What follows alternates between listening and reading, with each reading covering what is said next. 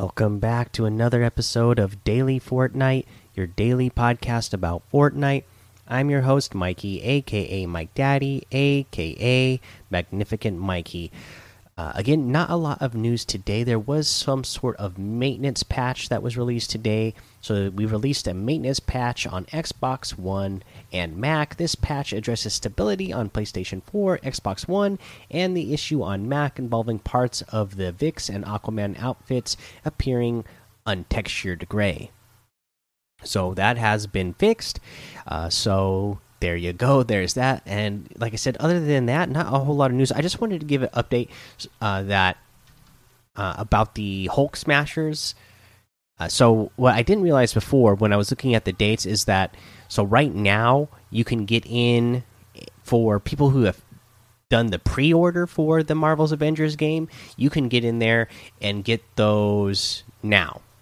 Uh, the the Hulk Smash. You can get in there, get the the the pre-order demo and get the Hulk Smashers. For the rest of us, we still have to wait until the 14th. Once once it's August 14th, then everybody will get the open beta, uh, and then you can still do those challenges uh, for that. Uh, let's see here. At least that's how I'm reading it. That's what it looks like to me. 14th through 16th. Yeah, August 14th through 16th is PlayStation 4 open beta. Okay, and the 14th through 16th. Also, so the 14th through 16th is Xbox One pre-order beta, and then the open beta will be on PlayStation 4 and Xbox One on August 21st and 23rd. So there's still a good portion of us who are waiting to be able to get those uh, Hulk uh, pickaxes. So, uh, yeah, it looks like for PlayStation 4, August 14th through 16th, the open will start, and then Xbox will be the 21st through 23rd. And if you pre ordered that game, then you can get the you can get the demo now and do those challenges now and get those pickaxes now. Uh, let's see here. Also, the other thing I wanted to mention the season is coming to an end soon. So, if you can get on it and level up your battle pass if you haven't yet, I, I know my son started out today on level 66, and he, I know he's level 70 something now. But the end of the season is August 27th. So, that's 15 days away from the day that I'm recording this. So basically, two weeks left in this season. Uh, so you really need to get uh, on the grind if you haven't hit a level 100 yet and haven't gotten everything out of your battle pass. My son, uh, you know, over the long period of time, he's been.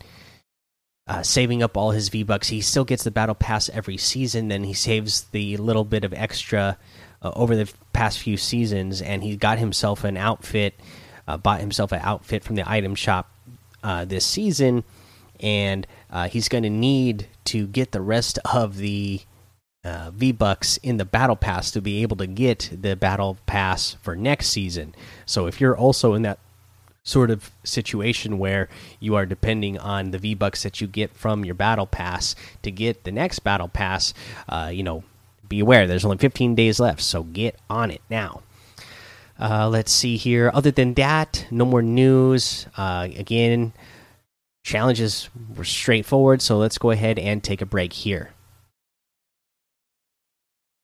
All right, let's go over today's item shop. We have the Brat outfit with the Loose Links contrail for 1,200. Love this one. Uh, we have the uh, one of my favorites, the Astra outfit with the Shining Star backbling for 1,500. The Constellation wrap for 500. Uh, we have the Love Ranger outfit with the Love Wings backbling for 2,000. And the Tat Axe harvesting tool for 800. We have the Cloaked Shadow outfit with the Shadow Wings backbling for 1,500. We got the Icebreaker harvesting tool for 500. The No Sweat emote for 500 the slingshot outfit for 800 the make it rain emote for 500 and the waddle away emote for 200 You can get any and all of these items using code Mike Daddy M M M I K E D A D D Y in the item shop, and some of the proceeds will go to help support the show. All right, so for our little tip or trick of the day, we'll bring it back to the uh, tip that we talked about yesterday. You know, we talked about that little crash pad trick that you can throw the crash pad on the front of a vehicle, on the hood of the vehicle, and then get on that vehicle and walk on it, and then uh, walk onto the crash pad and it'll send you flying up in the air. The other cool little trick about this is that after you do this, if you shoot the car, just shoot it once, and then the car will also go flying way up high in the air.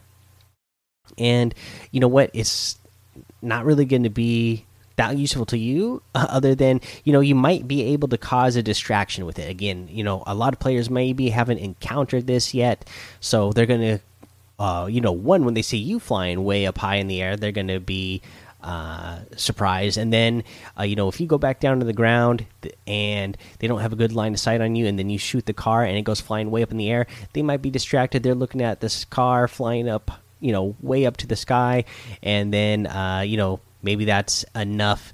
Uh, long enough of a distraction that you can uh, take them out while they are looking up in the sky at this flying car. All right, that's the episode for today, guys.